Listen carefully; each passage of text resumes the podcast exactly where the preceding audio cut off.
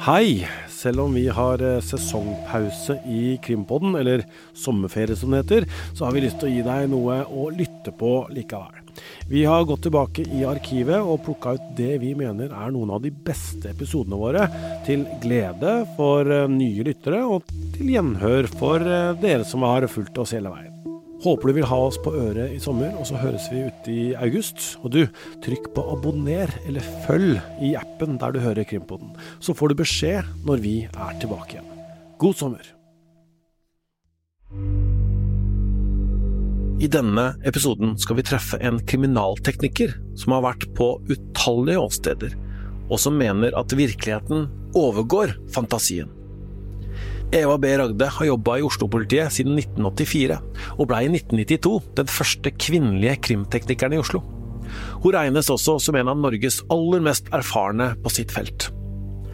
Hvordan er det å jobbe med å leite etter spor på et åsted? Og hvordan kan en bitte, bitte liten bloddråpe være nok til å knytte en person til et drap?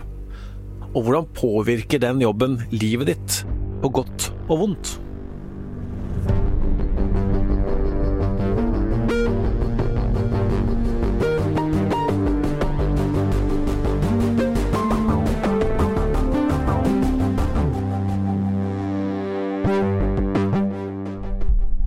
Har du vært på mange åsteder du, Øystein?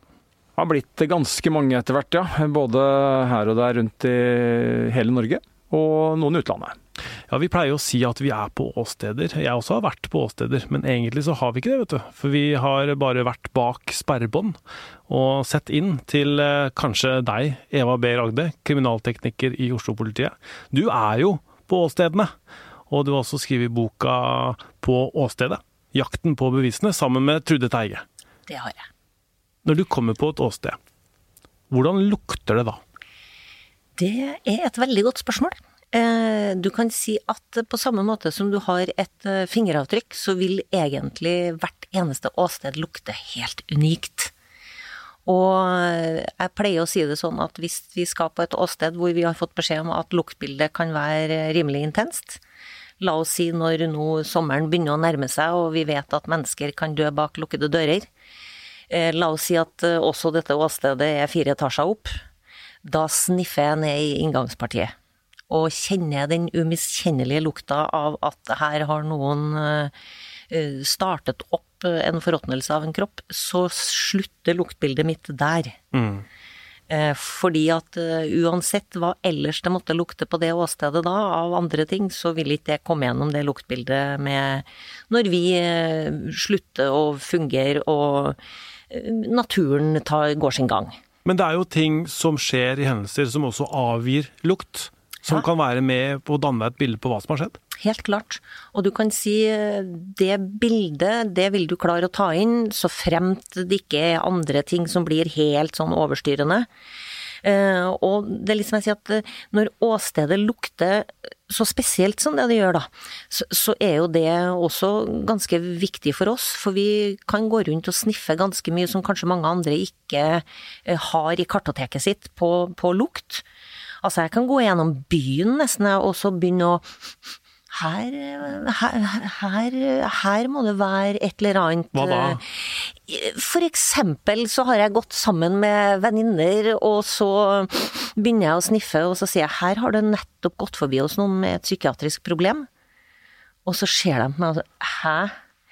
Eh, lukt av svette fra personer som har store utfordringer psykiatrisk, har en meget distinkt eh, lukt. Mm.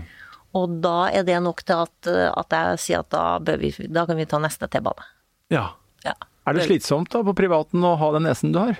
Noen ganger så kan det være det, og noen ganger så kan det også være litt slitsomt det å være eh, politi og ha vært politi så lenge, at lukt på en måte forbindes med en del ting som kan settes i en kontekst som kanskje aldri kommer til å inntreffe, men altså likevel. Jeg har sittet på T-banen, det kommer på folk som jeg øyeblikkelig tenker hm, de har ikke stått og bare venta på T-banen, og så begynner jeg å sømfare klærne deres og ser at her har det vært noe tildragelse i forkant, og så hører du kanskje en eller annen sirene i nærheten, og så tenker du de menneskene her har relasjon til den hendelsen, og Dermed så er ikke T-bane egentlig stedet for meg. Nei. Eh, Bare av den grunn, egentlig. For det, det, der er jeg innesperra, og der eh, kommer ikke jeg meg liksom ut og vekk fra veldig mye påtrengende bilder og folk og omstendigheter som stort sett alltid inntreffer hvis jeg er der. Av en eller annen merkelig årsak. Der ellers hvor folk, ferdes, da er det greit? Stort sett så Ja. er det greit, men jeg er, jeg er nok ikke en som oppsøker egentlig veldig mye sånn store folkemengder og trives liksom Jeg går ikke på byen. Det har jeg nesten aldri gjort. Eh, Det, jeg er ikke en sånn type. Henger det sammen med jobb, det, eller? Både og, vil jeg si. Ja. Jeg liker meg i grupper hvor jeg kjenner folk, eh, kan være meg sjøl privat og i det hele tatt. Og er nok også veldig opptatt av at hvis jeg er ute i større mengder og blant folk, så, så er jeg deretter. Jeg tenker mye på at hvis noe skulle skje, så er jeg fremdeles politi. Gjelder det mange politifolk, har du inntrykk her? Jeg tror nok mange eh, har det sånn, og i hvert fall av de som, som har vært med en stund. Eh, man kjenner liksom at det er et ansvar også å være politi.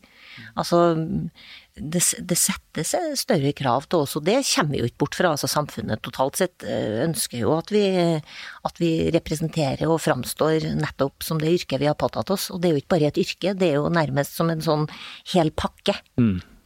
Kan ikke du ta oss med til et um, åsted? Dere rykker ut, dere har fortsatt disse hvite bilene. Vi har, vi har mange biler, ja, mange men- forskjellige. Okay, men la oss kalle den største utrykningsbilen vår, den er hvit. Den er hvit. Rykker ut til et åsted, tar på dere disse draktene, hvite drakter der også, som vi står da bak sperrebåndene og ser, ser kan, kan ta ta en titt til. Eh, hva skjer da? Hva gjør dere når dere kommer på et åsted? Det er ganske interessant, fordi mange tror jo, og det, det med rette, altså når vi kommer fram til et sted, så er det veldig mange som senker skuldrene. Endelig har kriminalteknikerne kommet, nå kan vi liksom, nå tar de ansvaret over her. Og så tenker de, hvorfor går de bare rundt og, og ser? Vi går liksom litt sånn rundt. Og det går rett og slett på det vi starta med. For det første så går vi og kjenner litt på et luktbilde. Vi går og tar inn åstedet. Og det kan være lukter, inntrykk. Altså vi har jo den tredimensjonale der ute. Litt som vi var inne på i starten. Altså det med å ha en endimensjonal forklaring av et åsted. Når vi er der så er det lukt, lyd, lys, eh, synsinntrykk. Altså du har hele spekteret, da. Og når vi går rundt der, så går du egentlig og så på alle små ting, og jeg har gjerne en sånn veldig rigid måte hvor jeg enten starter fra høyre og titter hele veien rundt til jeg kommer rundt og har skanna på en måte plassen, eller stedet, eller hva som helst. Eh, Og det går på hva er det for noen små eller store endringer, unormaltinger, som jeg observerer. Og så tenker jeg ok, nå har jeg tatt inn det, da kan jeg begynne å dokumentere det hele med foto. Og det er det vi starter med. Vi starter alltid med å dokumentere det med foto, fordi har du først tatt et bilde av hvordan det ser ut, og du plutselig skulle dunke borti et eller annet eller hva som helst etterpå som et uhell, så kan vi få rekonstruert det med en eneste gang. Og det er kjempeviktig å dokumentere ting med en gang vi kommer fram, både med tanke på lysforhold, temperatur, altså alle endringer som skjer, og et åsted vil endre seg veldig fort, uansett. Og når vi da har fotografert, så begynner vi sammen å vurdere hva er tidskritisk av spor, hva vil endres raskest, Eh, hva kan være utsatt for alt fra vær og vind, temperatur, andre påvirkninger her, og som gjør at det er viktig å få, få sikra de sporene så raskt som mulig. Hva er forskjellen på et gammelt og et nytt åsted, da? Ja, altså du kan tenke deg hvis du kommer inn på typ, litt sånn, kall det et gammelt åsted, da, et åsted hvor vi eh, har en, en det, er et godt stykke mellom hendelsen til vi kommer. Altså endringene starter, og det vil alltid være sånn at det plutselig kan ha vært andre som bare måtte et eller annet, altså inn for å hente et eller annet, eller gjøre et eller annet, eller det var en nødvendig endring som måtte til. Eh, så, så er åstedet endra for oss, da. Og det er klart at med en gang alder på et åsted, det varierer jo også. Altså, et åsted ute blir veldig fort gammelt. Mm. Fordi her er det plutselig regn, det er vind. Eh, det er nok at det har vært noen folk som plutselig har eh, gått forbi og laga en vind. Så flytter ei tomhylse seg. Altså, alle de tingene her. Så tidsaspektet mellom hendelsen skjer og til vi ankommer, prøver vi å få så liten som mulig. Nettopp av hensynet til å kunne vurdere eh, spor som da vil være tidskritisk, og som er viktig for oss. Hva er det som er de viktigste sporene, sånn, sånn tidlig fase? De viktigste sporene vil jo veldig ofte være å knytte folk til stedet. De som er interessant for hendelsen. Og da må vi vurdere hvilke spor vil være viktige her, for at vi får etablert persongalleriet som er viktig for taktikerne. Det kan være noe av det viktigste. Hva er det for eksempel, da? Det kan jo være å få knytta inn, ser vi at noen har blødd her, som vi ikke kjenner til. Vi har f.eks. en pågrepet, men han har ingen blodig skade, men vi ser at det er blodet som er der, og som åpenbart er på åstedet, kommer i hvert fall ikke fra fornærmede. Kan det være noen andre som har blødd her? Gi en tilbakemelding om det. Vi leter antagelig etter enda en person. Eh, det kan jo være etablere også hva slags redskap som er benytta til å skade, drepe noen eller forøve en annen type handling, sånn at man vet hva man leter etter. Er det noen som har på seg en kniv, et våpen eller annet? Altså alle de informasjonene som vi kan gi, og som er viktig både for den operative fortsettende fasen, og også for den taktiske fasen hvor folk skal begynne å avhøre vitner. For da må de jo vite hva er det viktig at vi avhører dem om, initialt og ganske raskt. Men det er sikkert mange som lurer på det at det er jo ofte sånn at kanskje kommer det en eh, sivilist eller flere personer og oppdager noe, og så kommer kanskje ambulansepersonell inn. Uh, kanskje brannvesenet også, eller i hvert fall andre enn politifolk kommer jo inn på et åsted. Og trampe rundt. da. Nå er jo de profesjonelle sikkert flinkere enn en vanlig sivilist, men det, hvordan kan, hvordan, hvor, hvor, vanskelig utfordrende er det å skille, skille, hva som er spor etter en gjerningsmann, og hva som er forstyrrelser og, og støy på åstedet fra de jeg nevnte? Det du beskriver nå er jo hverdagssituasjonen ideelle er jo at uh, noen nærmest ved drone opp, uh, oppdager noen ting, og så blir alt sperra av. Mm. Det du beskriver er jo normalsituasjonen. Og du kan si f.eks. Eh, det her er et sted med gulv, hvor vi er interessert i fotavtrykk, så vil jo det første for oss være etablere hvilke fottøy er det vi har på vitner, politifolk, ambulansepersonell, andre som har vært inne å få et fotooversikt over det. Hvilke spor, altså hvilke sportyper er det vi snakker om her? Og så kan vi begynne å skille ut det. Mm. Og for oss så vil jo det kanskje være noe av det første. I tillegg få ganske raske tilbakemeldinger. Hvem har tatt på ting? Og i så fall innhente raske referanseprøver fra, fra de personene. For det er jo ikke noe galt at folk har gjort ting, forsøkt å hjelpe noen eller hva som helst, men vi trenger da referanseprøve av det DNA-et som de menneskene som har vært naturlige hjelpere, implisert på annen måte, sånn at vi kan få skilt ut det fra det materialet vi sank inn. Når du sier referanseprøver, så tenker du på en DNA-prøve eller et fingeravtrykk, ja, eller at ja. du kan på en måte si at det er deg ja. eh, som har gjort det. Og når jeg sier referanseprøve, så er det rett og slett for at de, det er en DNA-profil eller mm. et fingeravtrykk som brukes der og da, ferdig. Da er ikke det noe mer. Mm. Har du noen eksempler på at um, dere har uh, vært med å finne noe uh, som har løst saken? Mange ganger. Men noe som liksom ligger gjemt under et teppe? eller altså et eller annet sånt? Nei, men du kan si det som er det fascinerende i det, det er jo at veldig mange ganger så kan f.eks. en hendelse framstå som ganske åpenbar. Og så begynner vi å ta inn kriminaltekniske spor, og plutselig så kan en hendelse være snudd på hodet. At det var ikke sånn. Det var kanskje eh, noen helt andre som ble skada først og sist. Altså, det er jo det som er det superfascinerende med kriminalteknikken. Vi sanker jo inn spor ut ifra hvordan vi ser eh, at åstedet ser ut. Men vi har jo ingen kunnskap om hvem det er vi faktisk finner spor fra på de forskjellige stedene. Og plutselig så sitter vi her med kanskje med et uh, ganske fantastisk uh, hendelsesforløp, som du bare What?! Men så små bloddråper som kan Ja, det tyde kan på være noe, små bloddråper. Det kan være noe så fascinerende som eksempel et drap vi hadde bare for få år tilbake, hvor, hvor avdøde ligger med bar hud, med blod på. Og i kraft av at man da har erfaring fra tidligere, så tenker man at hvis personen ikke har klær på seg, så vil det jo kanskje være at noen har avsatt eh, avtrykk, fingeravtrykk, eh, i blod på kroppen. Og det fant vi. Og det var jo helt avgjørende for at du kunne knytte gjerningspersonen direkte til drapet og handlingen. Går det an å vaske ned et eh, åsted hvor det har kommet mye blod, sånn at dere ikke finner noe? Men hvor lett er det å finne altså Noen prøver jo helt åpenbart å unngå å legge igjen spor. Å ja, ja. Hvor lett er det hvis du skal inn og gjøre en kriminell handling? Det er ikke lett i det hele tatt. Uh, hvis vi tenker mange år tilbake, så var nok det en, en kall det en løsning. Men i dag, hvor vi har både spesialbelysning, kjemikalier og andre ting som avdekker det på 0,0, så kan du bare glemme det, altså. Vi har jo en sak som vi er veldig opptatt av her i Krimpodden, og mange andre òg. Og den eh, skjedde i Lørenskog, hvor jo fortsatt er en dame borte etter at hun forsvant fra hjemmet sitt for to og et halvt år siden. Og etter det som er kjent, da, så er det jo ingen spor etter at noen har vært der inne. Så sånn. Det er jo et Sprox-sko, men man har ikke funnet eieren, så vidt vi vet.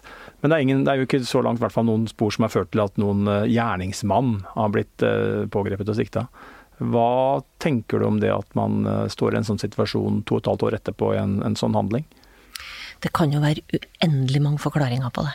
Uendelig mange forklaringer.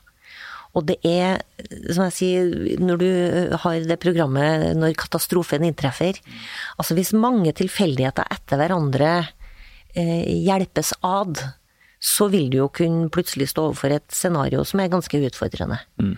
Og det er klart, her er jo både tid, utfordringer, forurensninger Altså det kan være det kan være så mange forklaringer som Rubiks kube, altså. Men det er ikke lett. Nei, det, er det ikke. kanskje må du, Kan du bare være dyktig, eller må du også ha litt flaks? Jeg vil si at du må ha begge, og veldig mange ganger når du har eh, erfaring, så hjelper det på flaksen òg. Fordi at du, du leter på de plassene hvor du kanskje har hatt eh, lykke før. Og plutselig så er det sånn at gamle ringrever, altså de, de har en egen evne til å vite akkurat på det lille stedet hvor det Tjoho, der gikk det jammen meg boks igjen. Så, så det er helt klart altså erfaring, men samtidig noen ganger altså Jeg har også saker hvor man i utgangspunktet skulle ha tenkt at her står vi overfor mulighetene til å finne masse spor, og så er det bare altså tingenes iboende F som bare gjør at det går ikke. Vi hadde et drap for noen år tilbake, og utgangspunktet var blant annet at eh, avdøde hadde kunstige negler. Og på den tida så var det at når du satt på kunstige negler, så ødela det alt som var bak neglene.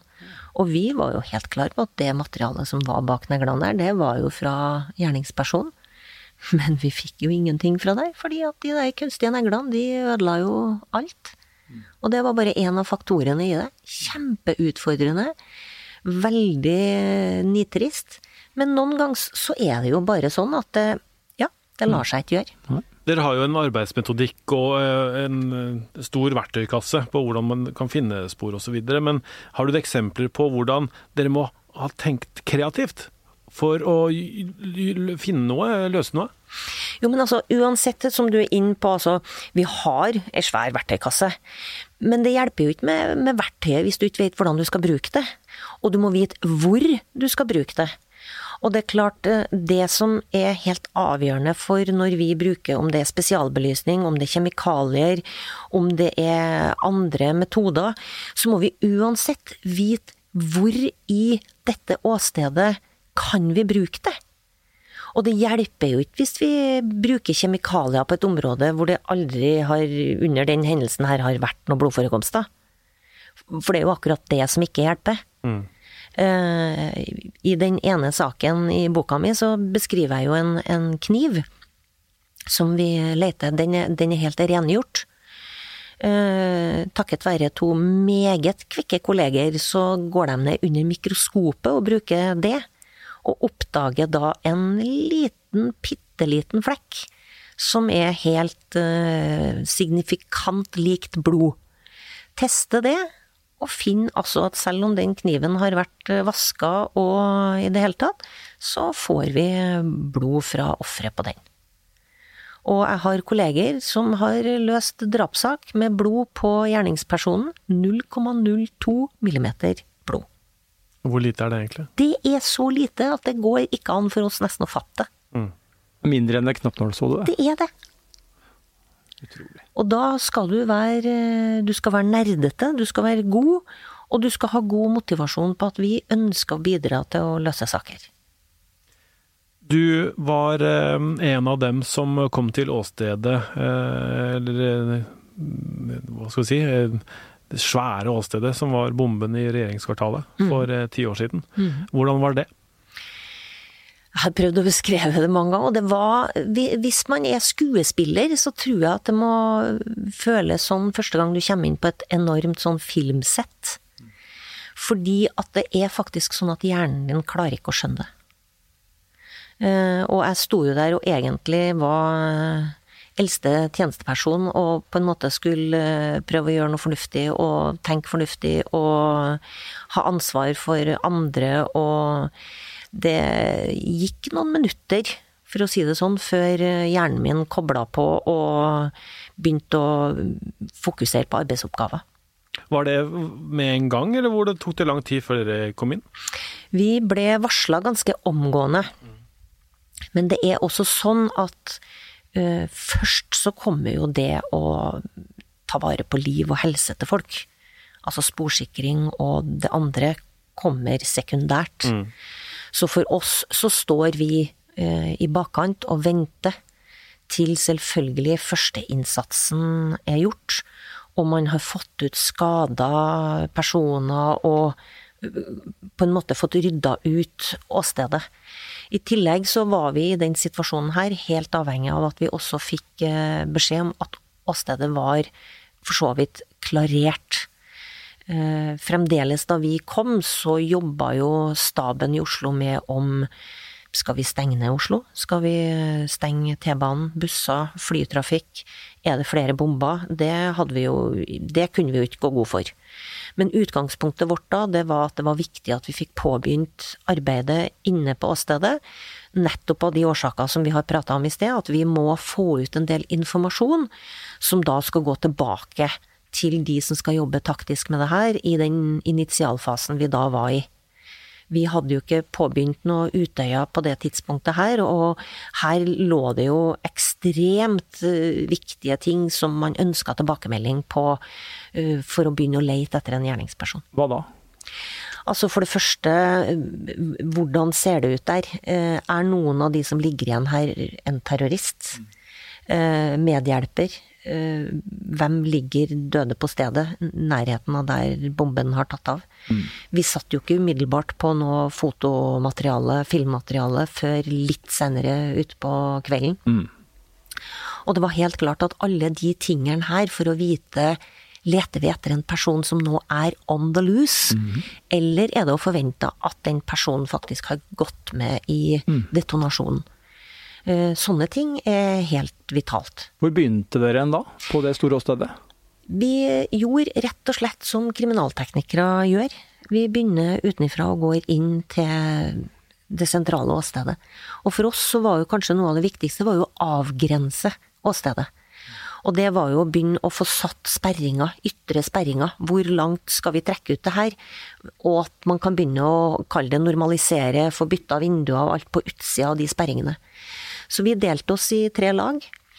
Og jeg ga beskjed om Vi hadde faktisk et møtested utafor VG-huset her, på to av lagene, som da gikk hver sin kvadrat og møttes der. Og jeg og en annen kollega begynte da den innvendige i, eh, innad i kvartalet å fotografere.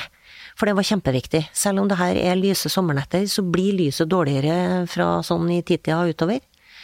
Og så, når vi hadde fotografert og fått satt opp sperringer og fått vakthold, så tok vi en ny fot i bakken og begynte å vurdere videre. Sto dere der en skvis sånn tidsmessig? Altså Dere må begynne på utkanten, men dere vil vel gjerne inn til det sentrale åstedet, for, med tanke på det du sier at dere trenger informasjon som kan lede til altså avverge flere tap av liv, da? Det er helt klart, og, og det er jo kanskje den største utfordringa som kriminalteknikeren på et åsted står overfor.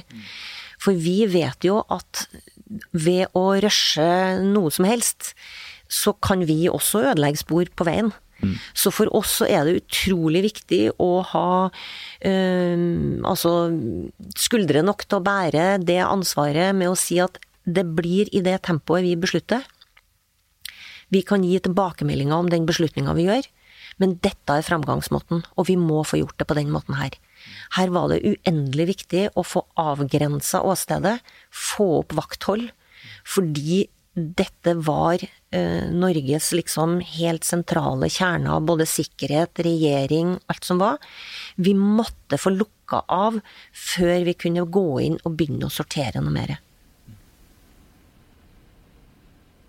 En av de sakene du også skriver om i boka di, er ranet på Postens eh, brevsenter, eller tellesentral, eh, som vi har snakka om før i denne sommerserien, for vi har hatt Jonny Brenna på, på, besøk her. Han var jo da spaner og etterforsker på den, på den saken. Eh, du hadde da en helt annen rolle. Det var disse, dette ranet, kan man si at det var nesten et slags mislykka ran, men de tok seg inn i Postens telesentral oppe i fjerde etasje og løsna skudd mot politi som kom til eh, stedet der. Hva var din rolle? Min rolle var jo kriminaltekniker på det stedet, og jeg kan rette deg ganske fort, for det var ikke noe mislykka ran. Det var en trening. Det er det ingen som helst tvil om. Dette var en gjennomkjøring. Og gjennomkjøringa vet vi av mange årsaker var fordi de var helt i nærheten av politiet. De skulle sjekke ut eh, tidsaspektene. De skulle kjøre gjennom hvem som skulle ha hvilke roller og hvordan du knuser vinduer, og hvordan fungerer sikkerhetsglass, eh, det ene med det andre. Den gjengen her eh, var overhodet ikke i en posisjon hvor de gjennomførte mislykka ting. Hver eneste ting hadde en betydning for fordeling av arbeidsoppgaver, gjennomføringer, bli trygge på gjennomføringer. Så ingen tvil i min sjel om at dette her hadde en meget signifikant eh, plass i treninga. Bruk av spanske ryttere Opp mot Nokas-ranet? Ja. Ingen som helst tvil. Nei. Eh, det var jo et ledd i mange sånne lignende stunt på den tida. Og vi hadde jo tilslag mot eh, verdisentralen på Løren to ganger. Vi hadde flere bankran som var ganske heftig. Og det her var jo et miljø som helt åpenbart jobba for å bli eh, godt samkjørte, trygge på hverandre. Eh, hvordan fungerer oppsettet vårt? Hva type våpen trenger vi? Type bager, klær? Altså, alt det her er jo nøye gjennomtenkte ting. Og for vår del, med det første når vi kom til, til Postens brevsenter den kvelden, så var jo kanskje noe av det første vi skjønte, var jo at de prøvde ut en ny taktikk med tanke på hvordan skal vi få hindra operative mannskaper raskt å komme bak oss. Og det var jo at de hadde plassert en svær Taho med en dukke i førersetet som satt med en arm rett fram, så det kunne oppfattes som at noen satt og sikta på det. En stor Chevrolet Tahoe? Ja. ja. Mm. Og den sto med lysene på sånn mot innkjøringsporten. Og, og det også er helt klart at um, ikke bare ble det løsna skudd, men de skuddene som var der, kunne jo vi raskt gi tilbakemelding om. Dette er ikke varselskudd. Dette er skudd som er direkte retta ned mot de to stedene hvor de to tjenestemennene sitter. Dette er noen som har skutt for å treffe. Det er ikke varselskudd. Og Postens brevsenter kom jo uh, på en måte litt uh, i uh, skyggen av Nokas når, den, når Nokas kom. Men mm. som du sier, Postens brevsenter var jo et ekstremt brutalt anslag. og det var jo mennesker som ble fryktelig ramma av det, ansatte i Postens brevsenter. Mm. Og, og, og, de skjøt mot politiet, og de hadde helt åpenbart en, en, taktikk. Og de vel også De kjørte vel også bil inn på perrongen på Oslo S for å bruke det som en fluktvei. Ja. Så det, det, var jo et sånt Og dette er midt i Oslo sentrum. Ja. og det er jo Jeg vet ikke på den tida, men det var vel ikke så mye Det var litt færre politibiler, men det kjører jo politifolk forbi Sveigårdsgate og, og rundt området rundt Plaza, da, som dette ligger, hvert minutt, Mm. nærmest. Så de visste jo at her kommer vi til å få motstand, for å bruke det uttrykket. Ja. Og det, det var helt spesielt at jeg tror nok også at de hadde eh, tenkt ut dette her med at vi må se hvor langt vi tør å dra det i forhold til risikovurderinger på det som eventuelt skulle komme seinere. Og litt som du sier, ja, de hadde jo rekognosert nok til å vite at det var kjøremuligheter på Oslo S-sida gjennom kulvertene der. Eh, De hadde blålys. De hadde fra tidligere av nå opp mot de andre verdipostsentralene oppfatta at publikum, når du opptrer veldig selvsikkert, eh, uniformert i den forstand at alle er likt kledd, eh, du har våpna og ser veldig naturlig ut med våpen, og behandler våpen veldig sånn eh, naturlig, så tror folk enten at det er film, eller at politiet driver og øver. Og dermed så, så, så blir folk liksom ikke så stressa og begynner ikke å ringe politiet eller gjøre ting. De liksom de er litt mer sånn avventende. Du tror jo ikke at det står en raner med en bil, en Audi tror jeg det var, Ja. med blålys Nei. eh, på spor 1, Nei. med våpen og sier 'trekk unna'. Du, du, du, du Og vitneforklaringene fra den tida er helt krystallklar på nettopp det. ja. Det var enkelte som var skikkelig indignert over at de var der på Oslo S og ikke hadde fått beskjed om at det skulle være øvelse. Og der sto politiet med tunge våpen og, og blålys og liksom jazza seg ut på perrongen. Det skulle de ha seg frabedt. Det syns de ikke noe om. Og først etterpå så går det opp for dem at det her var faktisk vi som har vært tett på ranerne, og det i seg sjøl er jo en veldig tøff opplevelse. Men dere kom da inn på det åstedet, eh, gjorde deres undersøkelser, fant jo eh, en del som pekte mot et visst miljø eh, Ja. her, eh, og så skjer Nokas-ranet. Hva tenkte du da? Vet du hva, den, den dagen som jeg så det på nyhetene, så kan jeg med trygg ting si at da tror jeg nakkeårene mine sto rett ut. Og jeg husker jeg sa til han jeg var gift med at eh, Milde skaper, altså. Det her, her er jo gutta fra Postens brevsenter. No, og, og det var liksom som kronestykket bare datt ned. That's why. Dette forklarer alt som jeg har gått og lurt på i mange måneder nå. Hvorfor var det sånn? Hvorfor ble det der? Hvorfor gjorde de sånn? Det var derfor. Mm. For jeg var ikke i tvil om at det her måtte være de samme folka. Det var for mange ting som både kriminalteknisk og metodemessig sammenhørt. Og da satt vi jo på spor fra Postens brevsenter. Vi bare, og det er jo det som er deilig med kriminalteknisk spor, de forsvinner jo ikke, vet du. Har vi først sikra dem, så er de der. Og da sitter vi bare og ruger på dem, til det kommer en mulighet for å plassere noen på dem. Mm. Jonny Brønna er vel eh, si, han var vel eh, han er vel skuffa og sur og irritert på at man ikke klarte å stoppe det, da. Mm. Hva, hva tenker du om det, da? Jeg er veldig enig. Jeg var, jeg var dypt fortvila den gangen over at vi, at vi rett og slett ikke hadde funnet den ene tingen som hadde gjort at vi, at vi kanskje den gangen kunne ha spart et eh, politiliv. Det er helt klart, sånn, sånn vil det alltid være. At man ønsker seg at det skulle ha vært eh, annerledes, at vi hadde tatt dem eh, før. Selvfølgelig.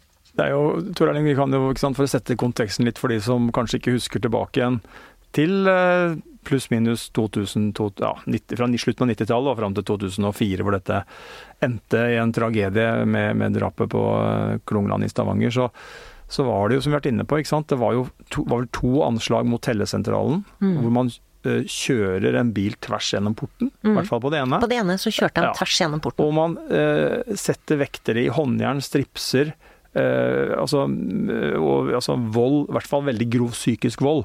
Og så kan det godt hende det var noe fysisk men ikke noe sånn voldsomt. Eh, man går ned på Aker Brygge, raner en verditransport eh, midt i folkemengden. Eh, altså det var det var, jeg jo, begynte jo her da den, på den perioden, og det var altså stadig vekk så var det enten en sprengning av en minibank, som kunne være litt mindre dramatisk, det var grove anslag mot uh, vektere særlig da, eller verdipapirinstitusjoner. Um, så det, det var jo det var mye, da. For Man tenker litt sånn tilbake at ja, det var, det var Nokas, og så kanskje noen husker Postens brevsenter, og så Munch-ranet selvfølgelig, som var litt Ja. annerledes. Men det var jo Det var, jo, Det var mange. Det var så det var mye. veldig mange. Ja.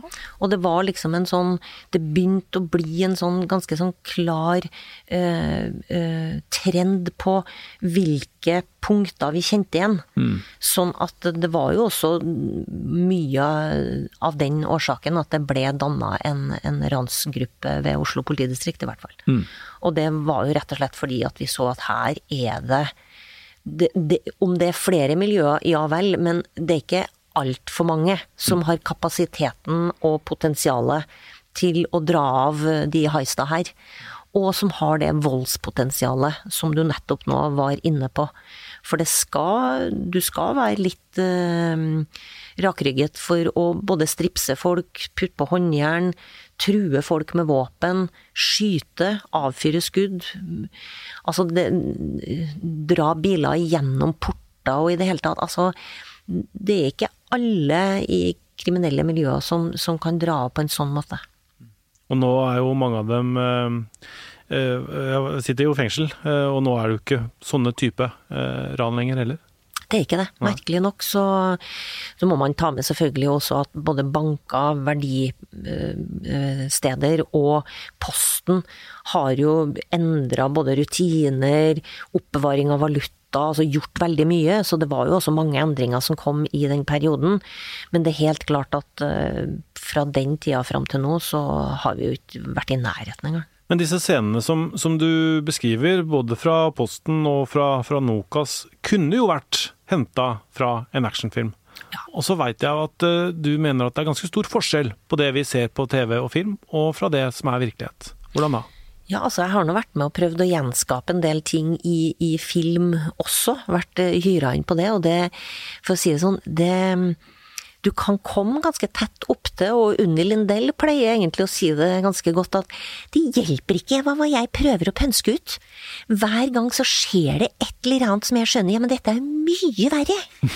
og det er helt sant, fordi at Virkeligheten overgår ja, fantasien, ja. Altså, vi klarer på en måte ikke å være, selv om vi kan lage sånne historier og prøve å være kynisk og kjekkas, virkeligheten blir annerledes, altså.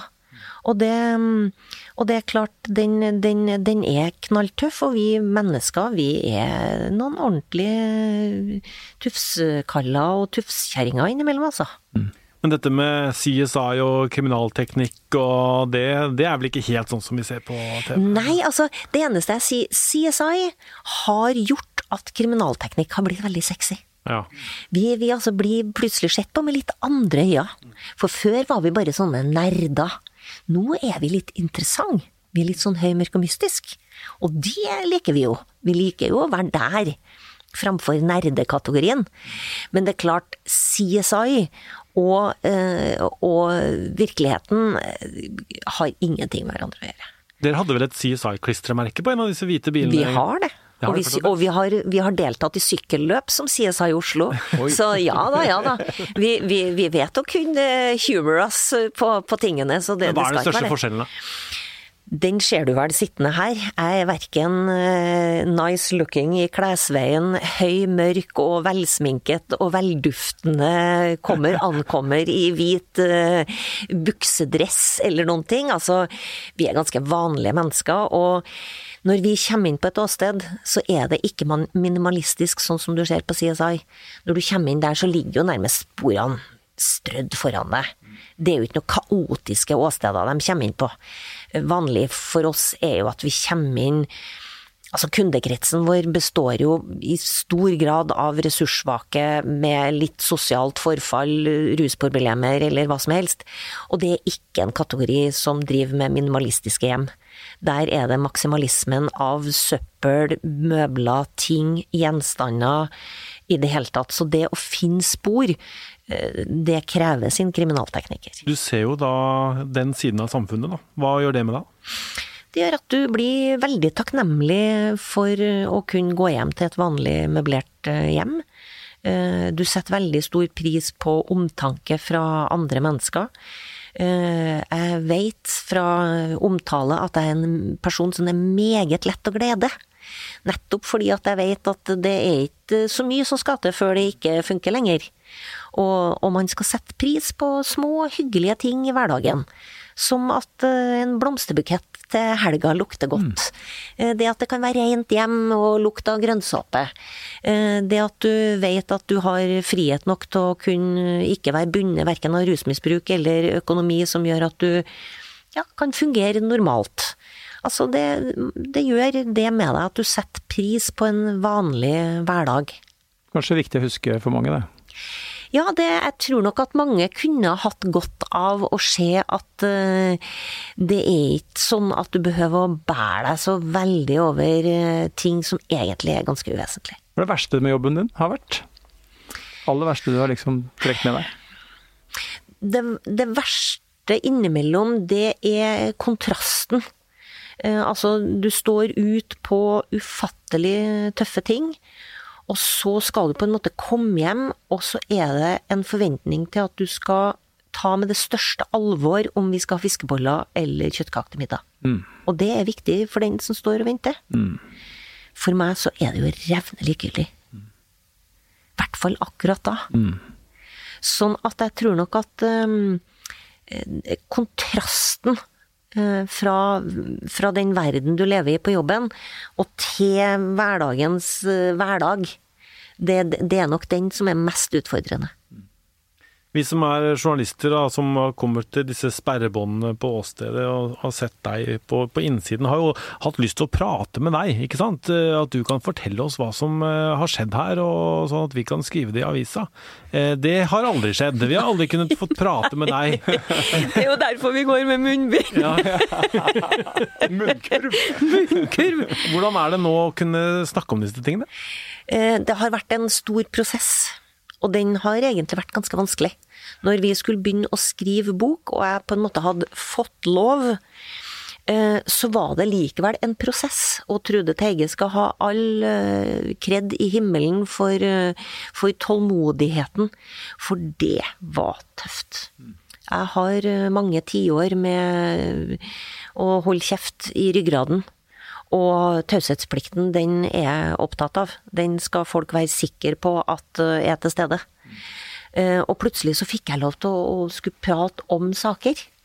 Og det var, det var helt merkelig. Hvordan da? Jo, fordi at jeg kjenner liksom ja, skal, skal jeg egentlig si Skal jeg egentlig si det her, da? Og så tenker jeg ja, men det er jo viktig. Det er jo kjempeviktig. Det er kjempeviktig å fortelle. Eh, Åpenhet er viktig så lenge åpenheten kan være til en fin ting.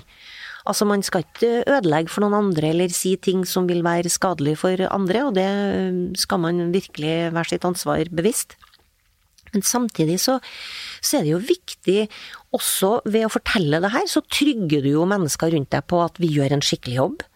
At vi tar hver eneste ting på største alvor. Spiller ingen rolle for meg om det er kong Salomo eller Jørgen Hattemaker. Revner likegyldig. Handlingen som sådan vi er satt til å dra ut og undersøke, det er den som teller, ikke hvem som har vært utsatt for den. Og det syns jeg er en av de viktigste budskapene vi kan gå ut med. Og det å være åpen om kriminalteknikk og gi folk et lite innblikk i hva dette handler om, og hvorfor man alltid hører at ja, men det er ikke noen kriminaltekniske spor, så her er det utfordrende. Altså den viktigheten av å skjønne at vi leverer en del puslespillbiter til puslespillet, og noen ganger så er det de viktigste, virkelig kule bitene, som gir deg både øyne og nese og munn. Andre ganger mer perifert, det er bøyen i håret. Men den bøyen i håret den er viktig, den òg. Sånn at eh, jeg, jeg tror nok at eh, det med å, å, å være åpen om det vi kan være åpen om, det tror jeg er en fin ting. Så har jo da du blitt eh, forfatter, eller medforfatter, da. Eh, og, og søstera di har jo skrevet en del bøker, Anne B. Ragde. Hun har skrevet 67 bøker, så hun er veldig opptatt av å fortelle at Eva har skrevet 66 bøker, flere enn deg. Ja, ikke sant. Hvordan har det vært å være søstera til Anne? Ja, hvor skal vi begynne? vi er jo født og oppvokst sammen, så for å si det sånn, vi har jo noen år med historie sammen. Eh, og jeg tror nok at eh, det største og rareste og merkelige for meg har jo vært at hun er en veldig kjent person. For for meg så er hun jo søstera mi. Og jeg vet ikke hvor mange ganger jeg har gått ut på gata og, og virkelig stussa. Hvorfor ser de på henne? hva er det Hun er da helt vanlig, da. Og plutselig hun er jo en kjent forfatter, Eva. Du må jo huske Folk ser jo på henne. Og det, det, er sånne merkelige greier. For for meg så er vi jo like uenige og krangle, eller måtte være som søstre flest, uansett om hun har skrevet 67 bøker. Men hun er et eventyr. Litt av en kontrast, da. Du er tildekka med et munnbind, ja. og hun er liksom verdens mest kjente Hun har ikke mye munnbind, for å si det sånn. Men altså, hun er jo kjempestolt av Selvfølgelig er det. Og jeg har også, med bakgrunn i at du sier at jeg er medforfatter, altså jeg har den dypeste respekt for det å skrive bok.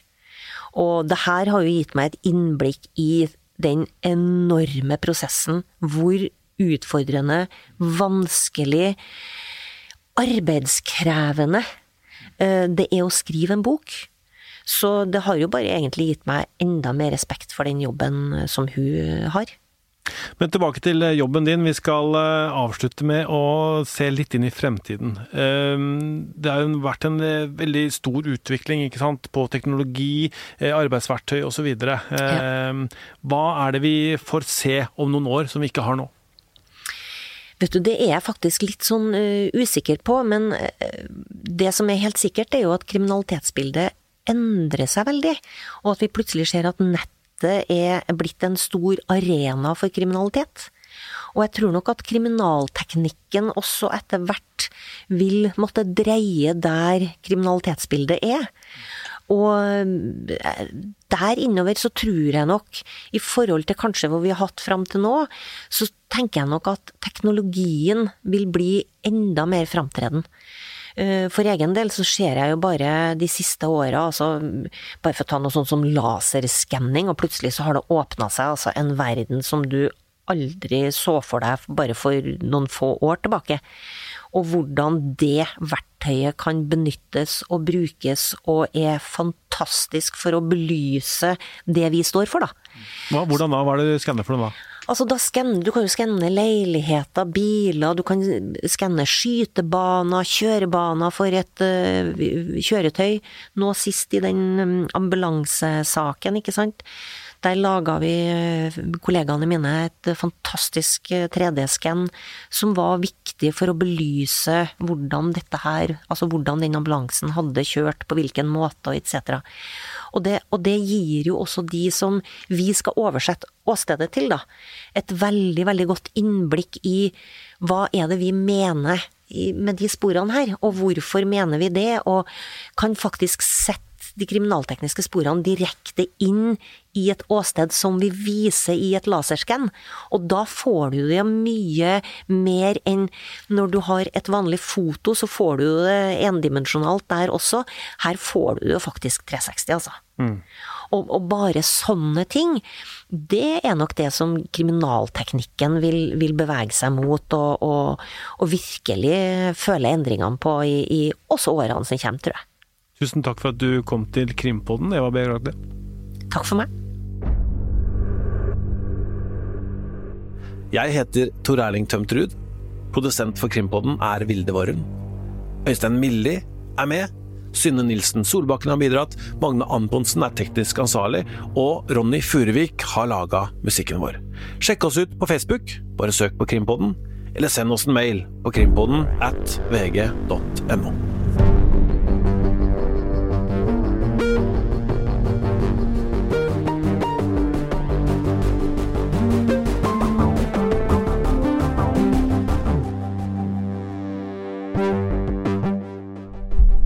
Du har hørt en podkast fra VG. Ansvarlig redaktør, Gard Steiro.